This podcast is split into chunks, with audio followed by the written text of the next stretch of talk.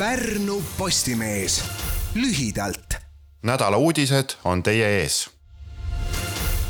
lõheliste populatsioon on nii Eestis kui ka kogu maailmas väga haavatav.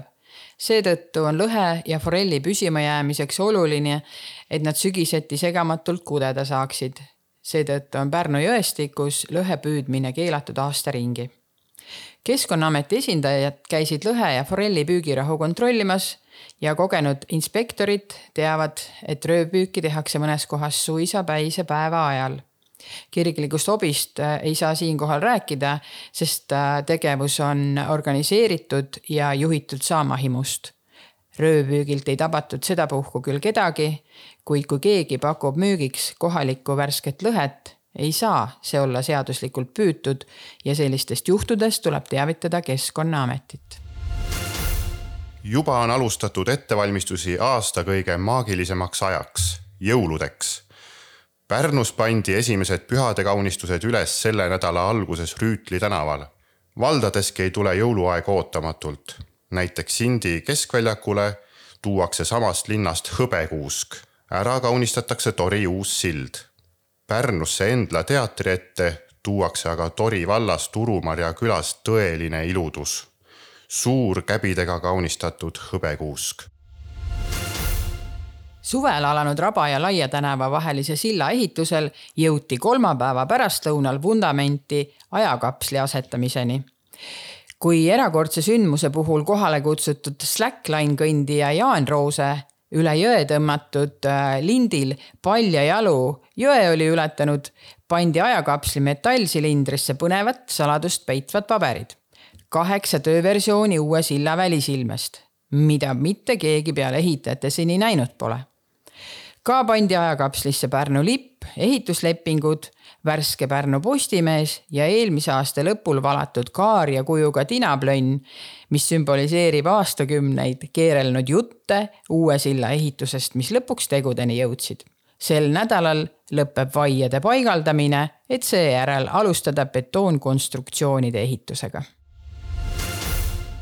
Eesti Haridustöötajate Liidu eestvedamisel korraldati täna paljudes koolides ja lasteaedades üle-eestiline õpetajate hoiatusstreik. Sindi gümnaasiumis ja Tori põhikoolis viskasid õpetajad tunniks ajaks kaardikepi nurka hommikul üheksast.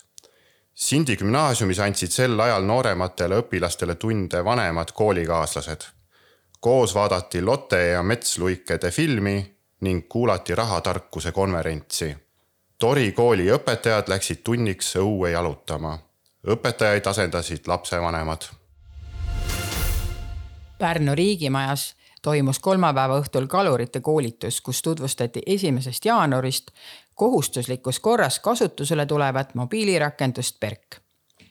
nimelt võttis valitsus oktoobris vastu määruse, millega senised äh, kalurite paberkandjal püügipäevikud asendatakse uuest aastast nutirakendusega iga kutseline kalur peab tulevikus andmeid sisestama enne püügile minekut, aga ka pärast püügilt tulekut. teoorias peaks see kiirendama kalastusandmete edastuse protsessi. paraku polnud ametnikud arvestanud Pärnumaa kalurite hulgaga.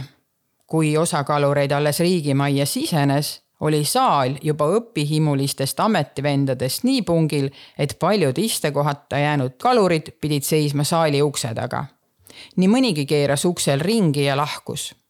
ametnikud omalt poolt põhjendasid liigväikest saali küll teadmatusega saali mahutavusest, küll rahapuudusega aasta lõpus.